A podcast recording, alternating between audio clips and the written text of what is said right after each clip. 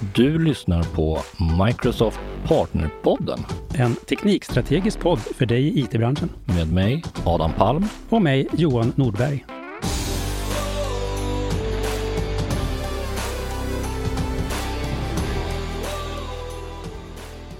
Yay! Hej och varmt välkomna tillbaka till episod 107 av Microsoft Partnerpodden.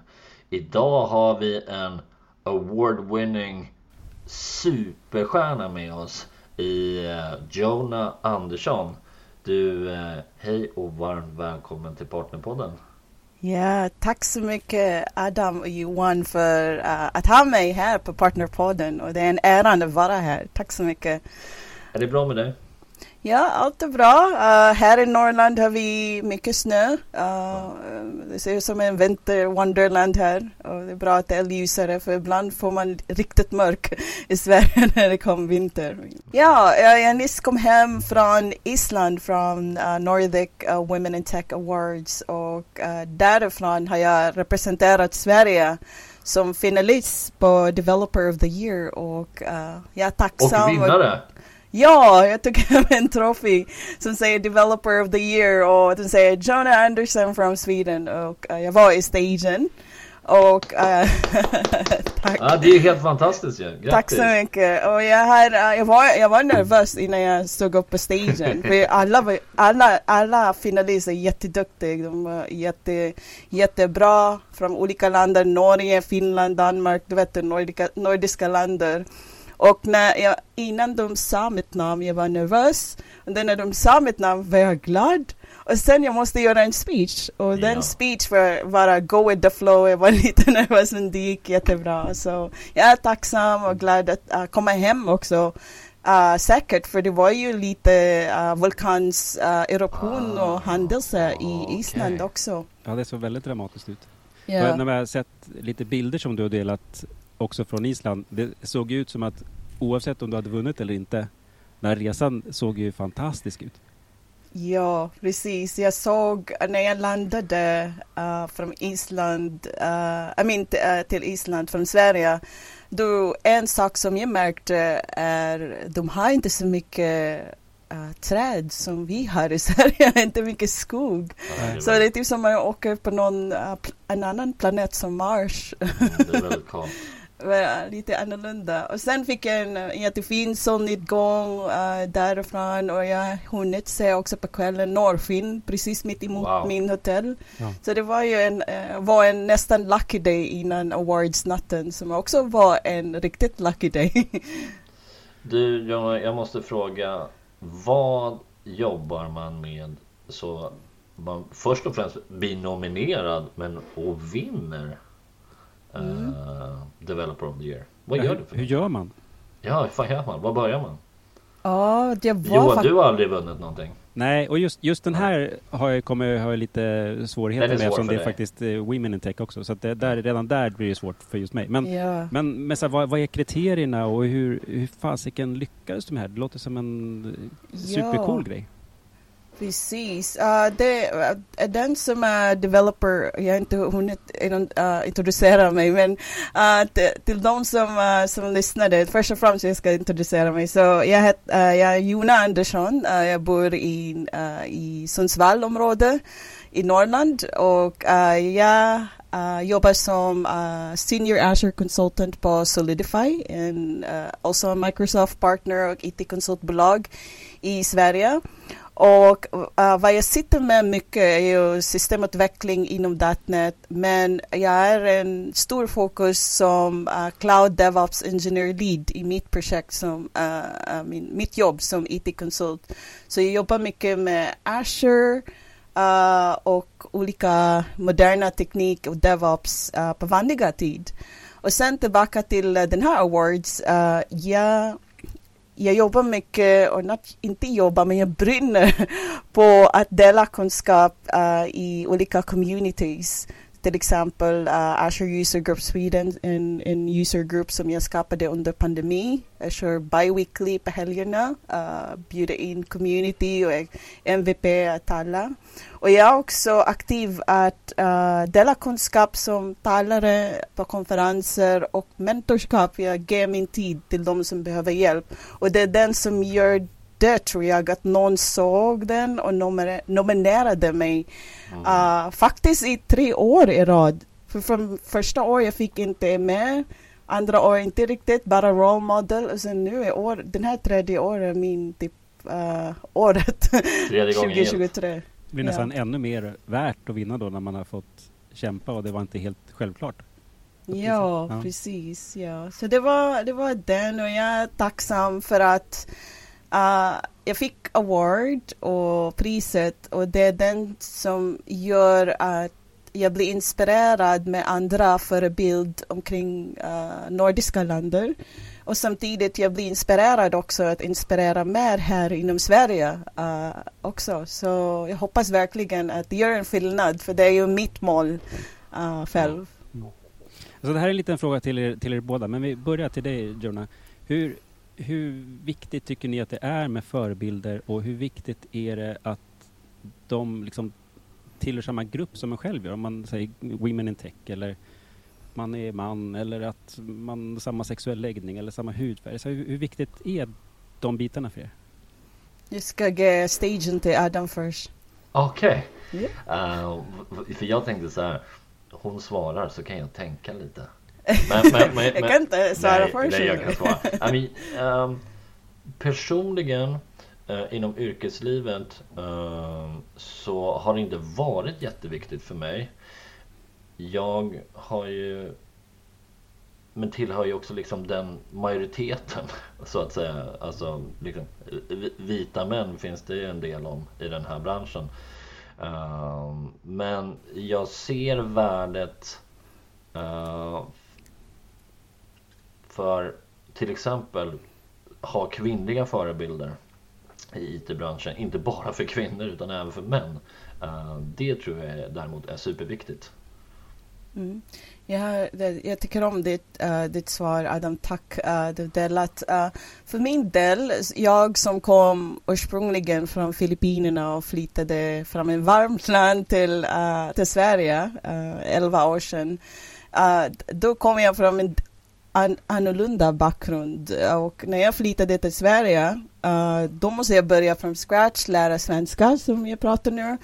Uh, engelska och filippinska var mina första språk eller modersmål. Men för att kunna få ett jobb inom IT måste jag lära svenska, utbilda mig själv inom systemutveckling. Uh, så gick jag på yrkeshögskolan här i Hudiksvall för tre år innan jag kan börja, uh, verkligen jobba inom IT trots jag har en jättestor erfarenhet bakom mig i Filippinerna.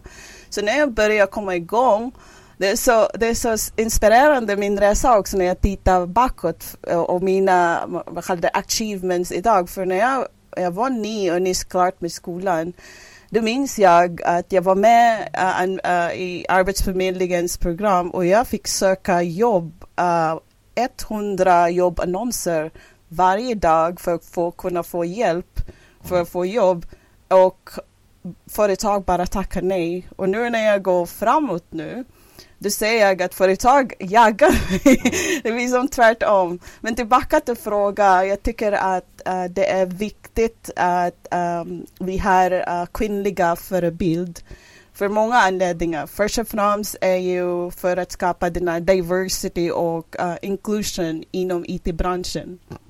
Och sen tänkte jag också på uh, di, uh, vad det, collaboration inom uh, teamet. Mm. Det finns mycket mer dynamik om det finns olika uh, människor, olika bakgrund. spelar ingen roll what, whatever gender en person har, men det, det man visar respekt, man har, kommer från olika bakgrund. Det finns någon dynamik där som faktiskt i någon research skapar en stor fördel.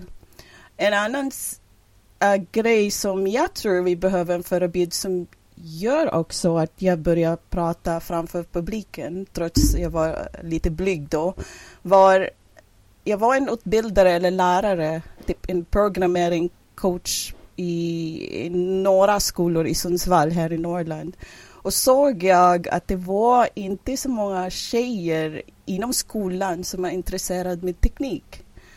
Och då tyckte jag att jag, jag måste visa till alla, spelar ingen roll vilken ålder, att, att jobba inom IT-branschen eller teknik är roligt. Man behöver inte vara superduktig i matte eller någonting. Vi ska bara ha kul och jobba med tekniken och lösa problem med det. Så det är ju, det är ju, tror jag är jätteviktigt och jag hoppas att, att, att synliggöra vad jag gör publik på, uh, på LinkedIn och när jag står framför publiken. Gör en skillnad, speciellt till tjejer som vill riktigt jobba inom IT. Mm. Ja, jag, jag, jag, gillar någonting du säger där också för det tror jag är så himla viktigt att i IT, IT-branschen eller teknikbranschen den kan nog ses som ganska fyrkantig och lite stel och tråkig. Men mycket av det vi gör är ju väldigt kreativt. Man måste vara väldigt kreativ när det kommer till problemlösning och det i sig är ju väldigt kul och då får man ha väldigt kul. Ja, så det är ett väldigt viktigt budskap att framföra tror jag. Mm, jag, jag håller med.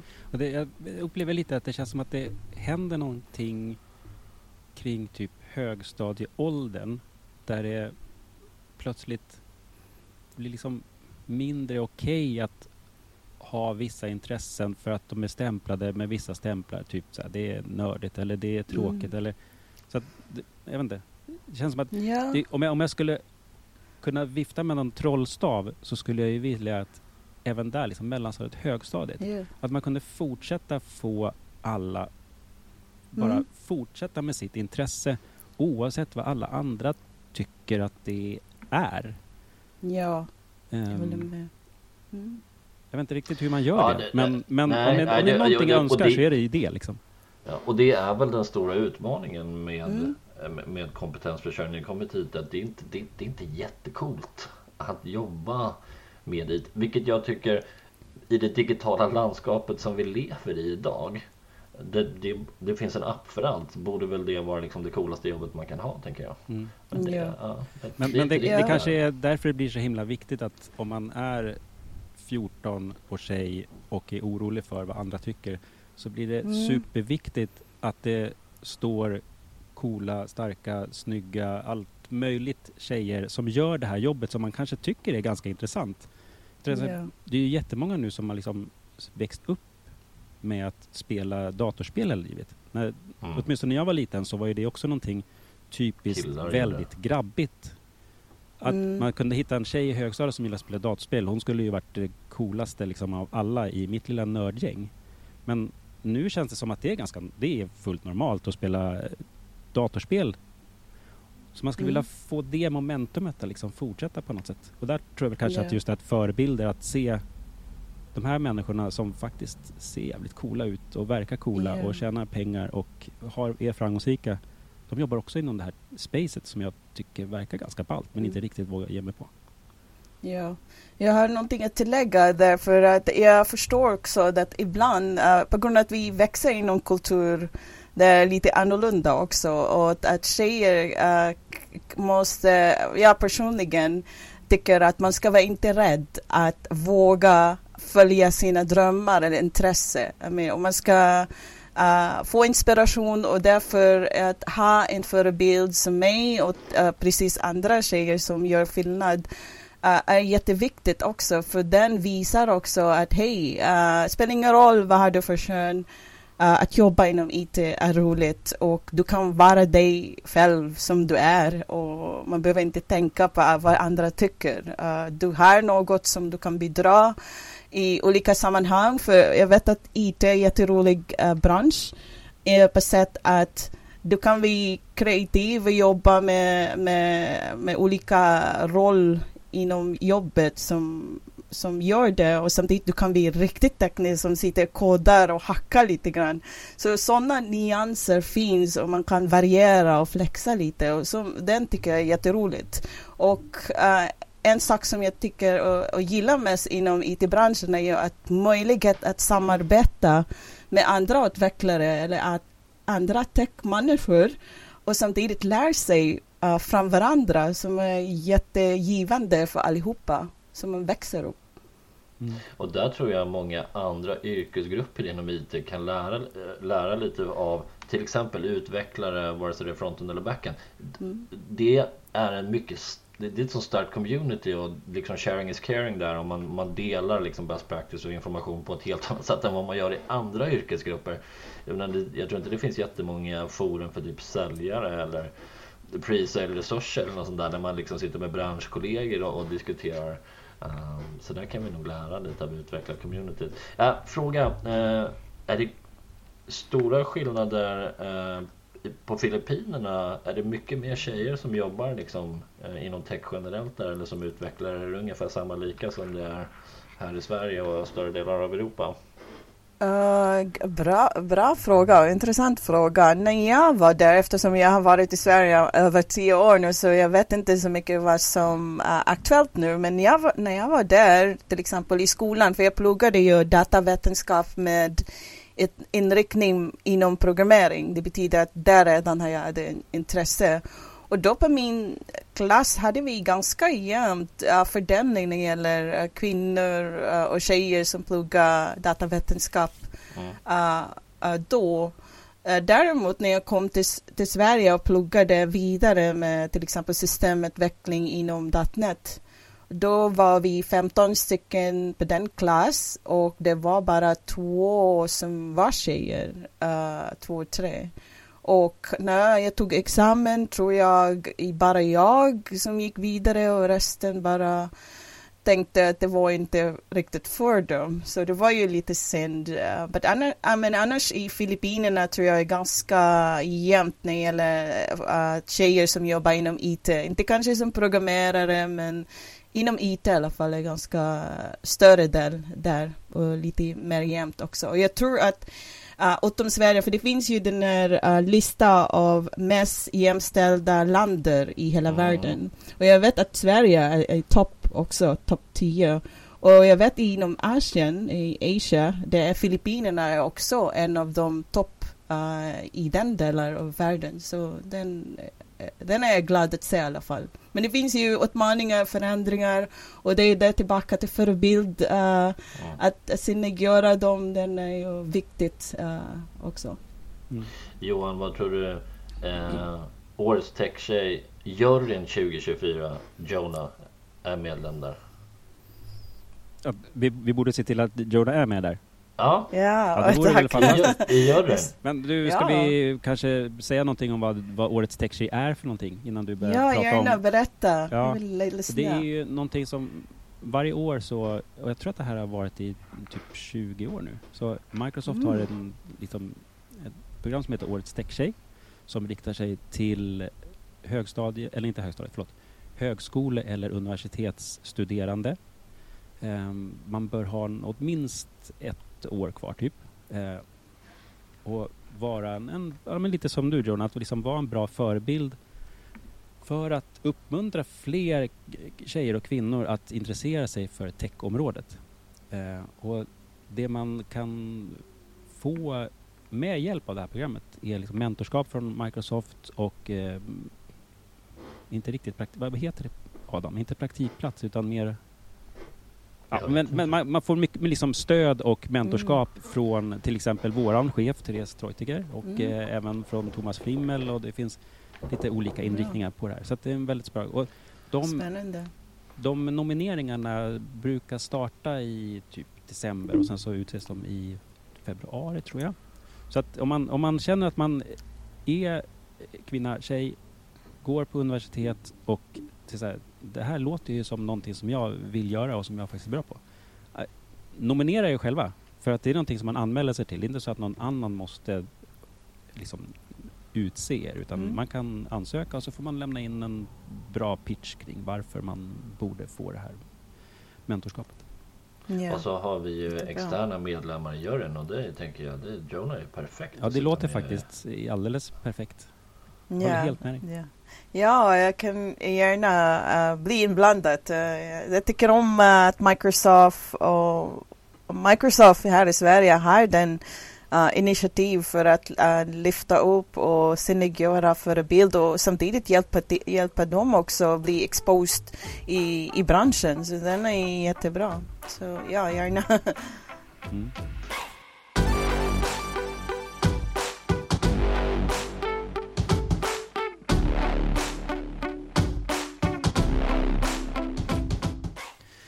Um, jag tänkte att vi ska prata om en annan sak också. Eh, någonting som mm. du faktiskt, jag vet att du brukar prata om på konferenser titt som tätt. Eh, nämligen Azure Developer CLI. Ja, eh, precis. Och jag, och jag, kan bara ta en superkort anekdot om varför jag plötsligt hörde av mig till dig om det. Eh, och det var för att min dator som jag hade i ryggsäcken tvärdog för att det hade kommit in typ lite regnvatten på den. Eh, och det är inte hela världen, nu, förutom att det är irriterande, det är inte hela världen nu för att det mesta har man ju lagrat på GitHub eller på eh, OneDrive eller liksom, man har inte så mycket data som är specifikt lokalt. Eh, utom en viss typ av filer som alla utvecklare kommer känna igen. Man har sina .env-filer där man har alla hemlisar till ett projekt som man absolut inte vill checka in i på Git. Eh, av en slump så upptäckte jag i samband med det här att eh, ACD, eller Azure Developer CLI, det har den jättebra stöd för att göra miljöer så man kan ha de här filerna på ett säkert sätt, inte i GitHub utan på ett säkert sätt i en egen liten miljö men ändå liksom synkat till molnet. Och så började jag titta mer på det här. Så, wow, Azure Developers Live verkar ju supercoolt. Vem kan jag prata med som kan lära mig och andra mer om det här? Eh, och då dök ditt namn upp hela tiden. Så här, du borde prata med Jonah. ja, ja, precis. Tack. Det var en bra story du har varför du hittade AZD. ja, jag, jag också faktiskt var imponerad av um, features av ACD. Det var ju ganska ny teknik som kom uh, som en ny produkt för Azure. Och det är ju uh, Azure Developer uh, CLI och de kallar den ACD på grund av att den kan bli blandas ihop med Azure CLI som finns redan. Så det är ju on, on top of uh, Azure CLI. Men den som är speciellt med den är ju man kan uh, jobba på en miljö eller en solution eller ett projekt med allt, alla saker som man behöver i ett team. Så det finns en, uh, en uh, kategori för uh, DevOps, uh, GitHub, uh, för Azure, för Infrastructure as Code. Det finns en, uh, en mapp eller struktur redan för kod uh, med uh, backend och frontend. Och uh, där finns också möjlighet att kunna jobba med den på dev containers, uh, code spaces och precis som du sa, man, man behöver inte ha, någon, ha det lokalt också. Nej, och det verkar väldigt fokuserat just på att liksom, infrastructure as code, att mm. kunna jobba enklare med det, att inte nödvändigtvis behöva kunna Bicep eller Terraform innan och utan, utan att man på 17 heter Åsam ACD eller vad 17 heter Ja, precis. Så, en, en, ja, berättar du vad, vad det är för ja, någonting och vad det så, löser? Ja, precis. Och jag bloggade faktiskt om, om det här också. För uh, jag gjorde en contribution på någon, uh, någon community event. Och då bloggade jag, Azure Back to School hette event, uh, det var i september. Och då gjorde jag en, en bloggpost om varför tyckte jag att AZD är developer-centric, vad kallar den, developer tool. och då skrev jag varför. Och en sak som är jättehjälpsam och bra för, uh, för alla som lyssnare som, som, som vill läsa på det här är ACD och Developer CLI är jättebra för att kunna göra like, proof of concept. Till exempel man har ett projekt som så man vet inte hur ska man komma igång till exempel. Så det finns den här awesome uh, ACD templates uh, som man kan kalla den. Där kan man välja vilken språk, C-sharp eller uh, Node.js eller Python uh, som finns redan en blueprint som man kan starta igång och vad man kan göra bara som team är att uh, jobba med den och customisera beror på vad det är för use case i projektet. Så det tycker jag eh, den är bra.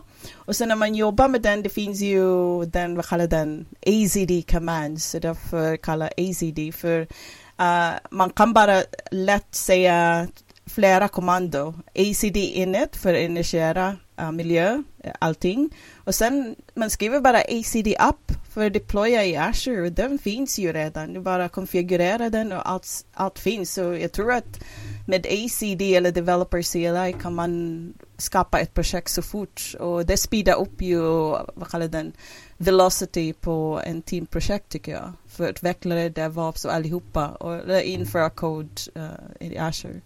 Jag håller, jag håller med att jag börjar titta på det där. Just att det som man kan hitta färdiga templates för mm. hur ens infrastruktur skulle kunna sättas upp. Eh, mm. Jag är ju lite kär i eh, Azure Container Apps eh, och mm. hitta färdiga templates för det med typ en, så en backend och en frontend, antingen C-sharp eller Node. Jag gillar båda två. Men just att det blev så himla enkelt att bara yeah. ACD up, så plopp, så fanns mina min, hela min miljö för Azure eh, Container Apps där. Den la upp mina container i ett registry. Den aktiverade ingress på dem. Man mm. gjorde massa, det kändes helt magiskt. Och ett superbra sätt att lära sig också tycker jag. Att säga okej, okay, 17 ja. har de gjort det här då? Ja, okej, okay, coolt. Du vet en, så man får en, liksom en bra inblick i hur det faktiskt funkar under huven. Ja, precis. Och den är, precis som du sa, det är jättebra som uh, nybörjare eller proof of concept på en riktiga projekt som man customiserar.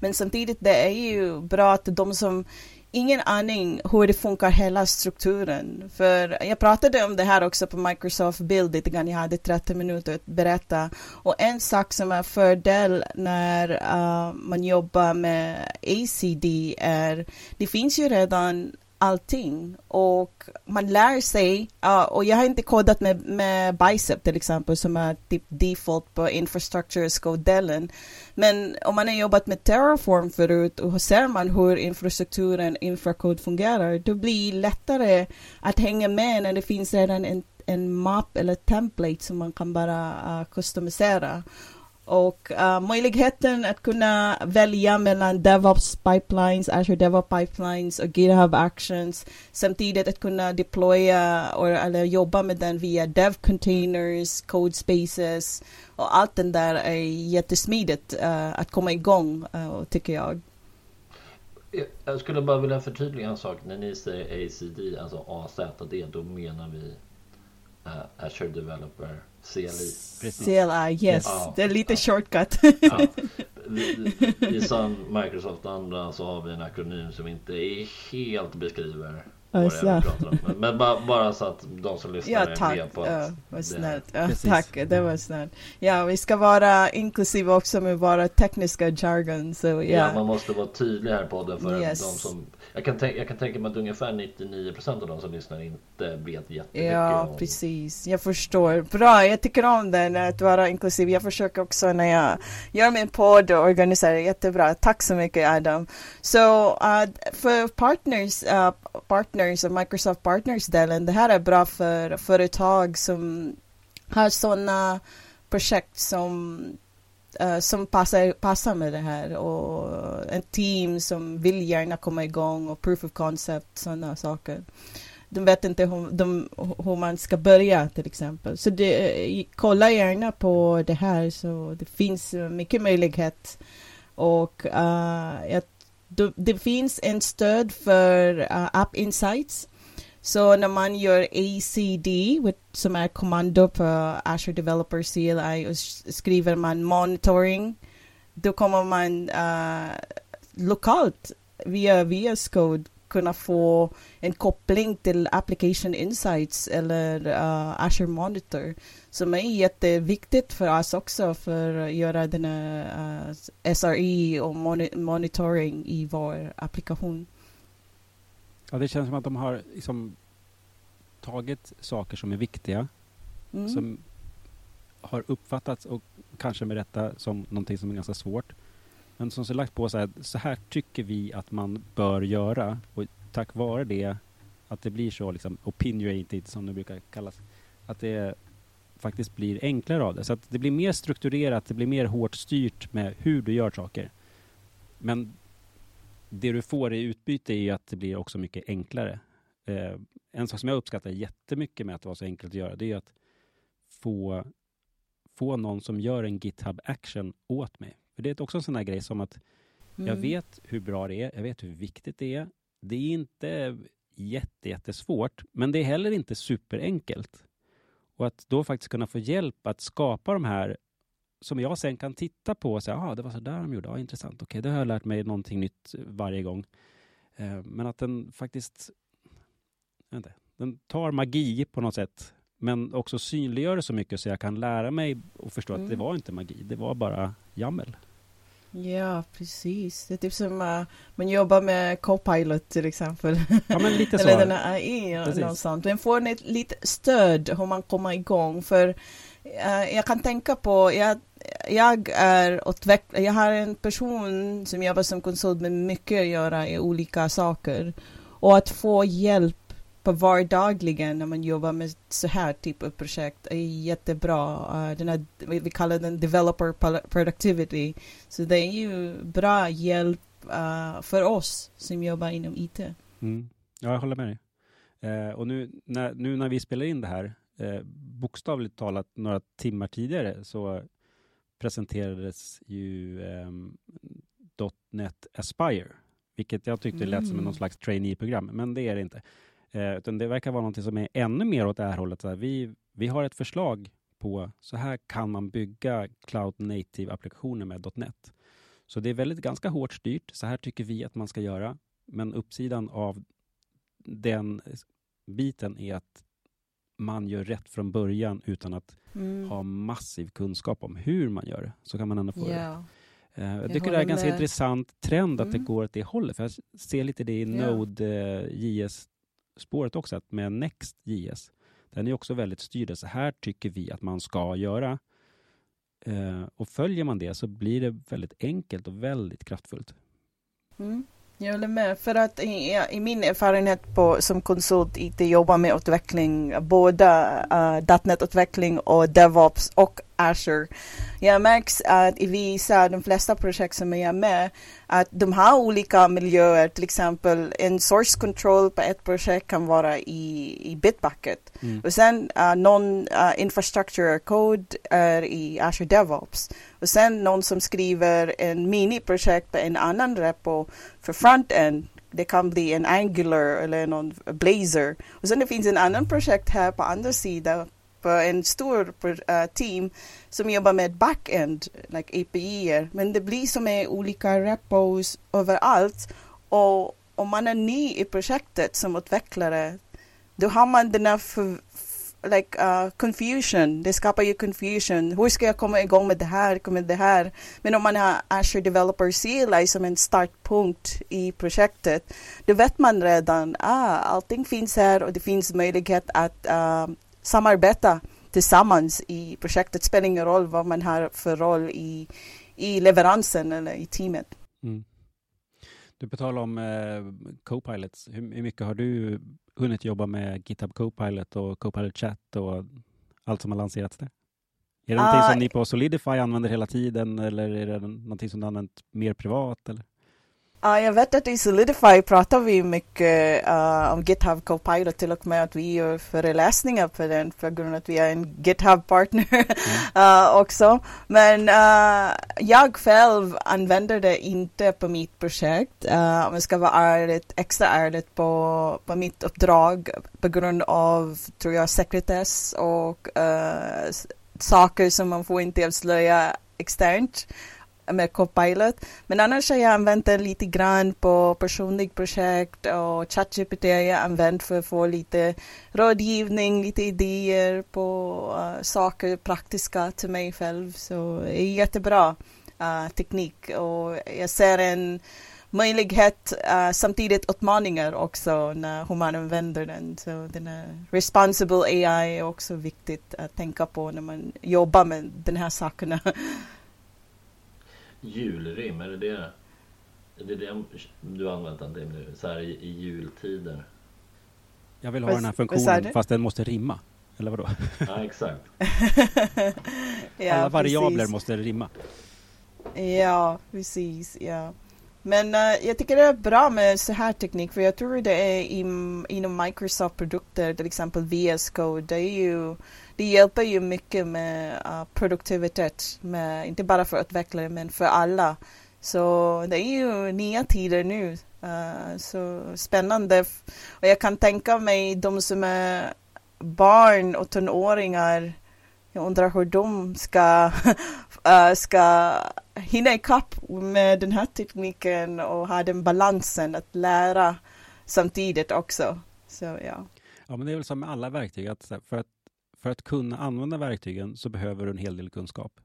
Ja, um, precis. Men jag tycker också, alltså jag använder de här verktygen jättemycket för att få kunskap. Så att de, mm. jag tycker det föder ju varandra åt båda hållen. På sätt och vis är det väl ganska likt egentligen att man googlar någonting och hittar en kodsnutt på Stack Overflow som man inte fullt ut fattar, men man kopierar den och får det att funka och sen så nästa iteration mm. på något sätt så börjar man faktiskt förstå vad den gör. Jag, inte, jag ser yeah. Copilot lite grann på samma sätt att kan jag beskriva mitt problem så kan jag få en kodsnutt och jag kan också ha en kodsnutt och be Copilot förklara den Mm. Det, ja, men exakt. Det är, väl, det är just det som är det fina liksom, att man kan få resonemanget bakom. Ja. Um, jag kommer inte ihåg vad den funktionaliteten heter men man kan ställa frågor mot databaser nu. Ja. Mm. Uh, Spännande. Mm. Och det som, alltså SQL, och det som är så nice med det är ju liksom att så här, då, då presenterar den hela tiden hur den resonerade uh, fram ja, det, det resultat eller det utfallet som du bad efter. Mm. Uh, och då kan man ju också se att så här, ja, men du, här kanske det potentiellt blev fel. Liksom.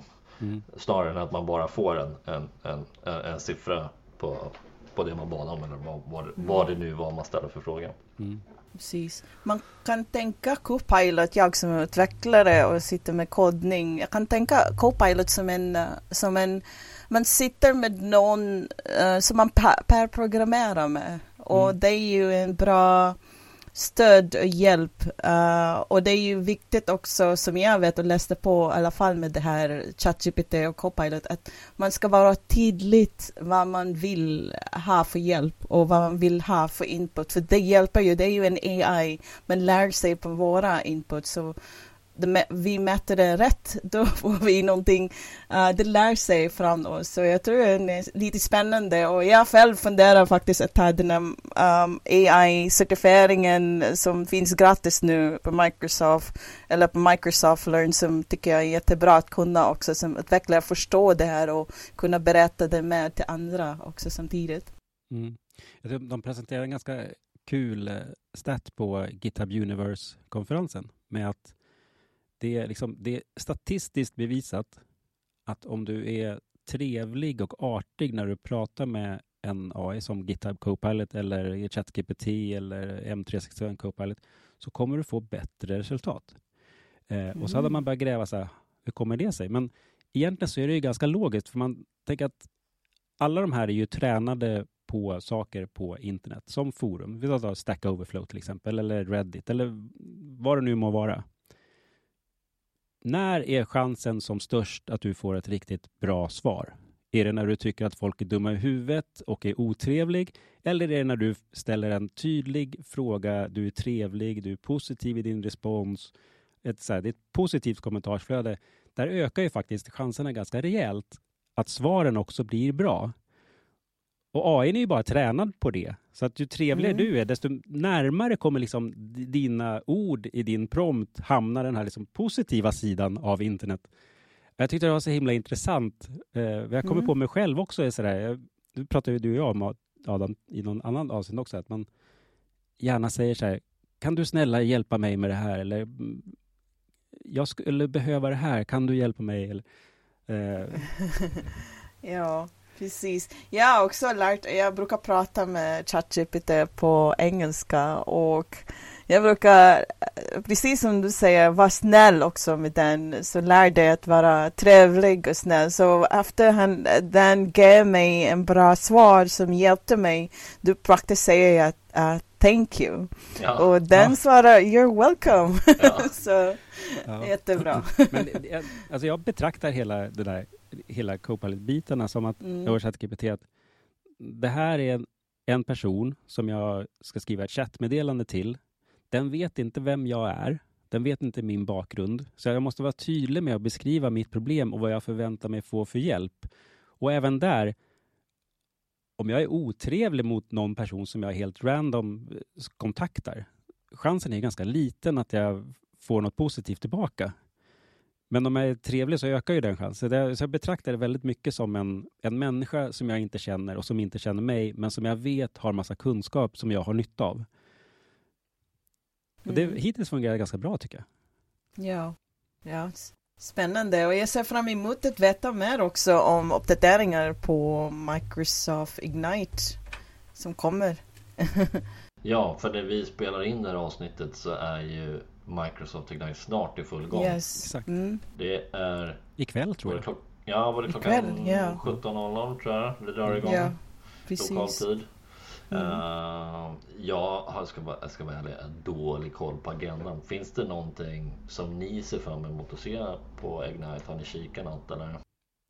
Uh, jag såg, uh, jag ser fram emot att titta på Keynote i alla fall. Det brukar vara Ja. lite intressant för det blir typ lite summering. Men det var ju några uh, intressanta ämnen. Jag, vet, jag kommer inte ihåg exakt men jag har gick igenom min sessions uh, på de kommande dagar och lagt till en, in min backpack. Så in case jag blir upptagen då kan jag kanske titta de som är inspelade senare. Ja, exakt. Yes, Man, man kan ja. ana att ordet AI kommer nämnas minst ja, tre jag gånger. Tror det. Jag tror det. Och sen det, eh, man brukar eh, släppa, Microsoft brukar släppa The Book of News också. Efter, efteråt, efter den här keynote. Så den är också något som uh, hela publiken eller lyssnare kan titta på sen. Ja, den brukar vara rätt bra för att få sån här, liksom, Summering. ja, men en bra summering som man kan Mm. verka som att man är påläst fast man inte kan så Ja. mycket på djupet. Ja, Ehm. precis. Hörni ni, nu, det här har ju varit supertrevligt. Eh, men nu är klockan 41 minuter. Mm. Ja, vad mer ut. vi ska prata om? Har vi någonting mer? Jag kan, jag kan eh, dela om min bok i alla fall om jag får. Ja, Ja, gör det. ja, självklart. Ja, jag har, en, eh, jag har skrivit en bok som heter Learning Microsoft Azure eh, Cloud Computing and Development Fundamentals.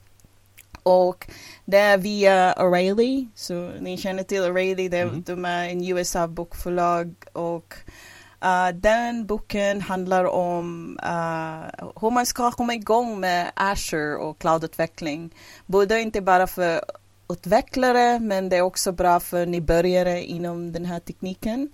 Och även till de IT-organisationer som behöver hjälp med cloud-migrationen och vet inte hur man ska börja. Det är lite mer cloud readiness, cloud knowledge och i min bok har jag blandat. Uh, finns någonting med cloud adoption framework, well architected framework och uh, olika developer tools till Azure. Till exempel den här Copilot och uh, Codepaces och ACD som vi pratade om. Så uh, den finns på Amazon och jag har byggt en hemsida som heter learningmicrosoftazure.com som är byggt i, i Azure. Så den finns Så bra. hostad i Azure. Så jag ville sätta en bra exempel hur? vad jag har skrivit om. Så det är jag jätteglad. Och jag vet att uh, Microsoft tror jag är typ som en content sponsor på det här. Så tror jag min bok kommer bli uh, featured på Microsoft Learn senare. Uh, som jag vet i alla fall via O'Reilly. Det är de som fixar den. Wow. Så jag ser fram emot. Vet, vet du när den kommer släppas? Ja, det kommer släppas uh, i 25 november, eller nu sista veckan i november, om några veckor. Det är Okej. bara alla får Ja. önska sig Fantastiskt. tomten helt enkelt. Ja, jag håller Ja. på att granska nu sista, vad kallar den, uh, manuskript. För O'Reilly och vi ska skicka iväg den till någon, vad kallar den, någon företag som fixar ut skrift till, sprida ut den i hela världen. Så det blir internationellt publicering. Gud vad roligt. Och vi, vi Ja. brukar göra som så Jonna, vi brukar lämna länkar i våran description Ja, till okej. Så det kommer vi också, nu har ju inte du dem just nu eh, Men när det här avsnittet sänds eh, Då har ju boken kommit Ja, Så jag då tror har vi det. man kan, eh, kan man även läsa boken på eh, Man kan ju prenumererade har en digital tjänst på O'Reilly. Kommer man kunna läsa boken där eller? Ja, ja, precis. Så det finns ju redan uh, faktiskt i Amazon som man kan prebeställa. Ja. Uh, I Amazon Sverige eller i, även i, i andra länder. Och Adlibris, uh, Bokus, den finns redan för pre-order. Och det finns också i O'Reilly e-book. Så det kommer bli två parallella versioner. Så en skrift, uh, uh, pappersbok och den är eh, levande uh, online version på O'Reillys plattform uh, som man kan läsa på. Och uh, just nu den här, den här tiden medan boken är på väg att släppas, jag håller på att fixa uh, interactive uh, frågesport eller quizzes till boken på O'Reillys uh, online version. Så det håller jag på uh, förbereda uh, lite grann. Så det blir lite mer interaktivt och inte bara läsa och sånt. Så det blir lite mer action och learn by doing. Right. Kul, fantastiskt. Cool. Och yeah. då tänker jag när boken har kommit och du och jag läst den. Då bjuder vi tillbaka John så kan vi diskutera boken. Kan vi ha en liten bokcirkel? Ja, ja precis. Spännande. För det är mycket intressanta saker som kan bli faktiskt hjälpsam uh, att dela till alla Microsoft partner mm. som är lyssnare på den här podden. Så det ser jag fram emot. Jag, jag, jag blir glad att komma tillbaka och chatta med er i den här uh, podd. Får du signera våra kopior också? ja, det ska jag göra. Jag ska komma dit och på Microsofts kontor och eh, göra någon booksign. Du är alltid välkommen. Mm. du, eh, Jonah, stort tack för att du har tagit dig tid att prata med oss idag. Vi uppskattar det superduper mycket. stort tack till alla er som har lyssnat. Ha en trevlig måndag så hörs vi om en vecka igen. Ja, tack så mycket allihopa för att ni har lyssnat. Ha det bra. Hej då! Hej då! Du har lyssnat på Microsoft Partnerpodden, en podd om Microsoft Sverige med mig Adam Palm och mig Johan Nordberg. Som vanligt hittar du länkar och resurser på aka.ms partnerpodden. Maila oss gärna på partnerpodden at microsoft.com.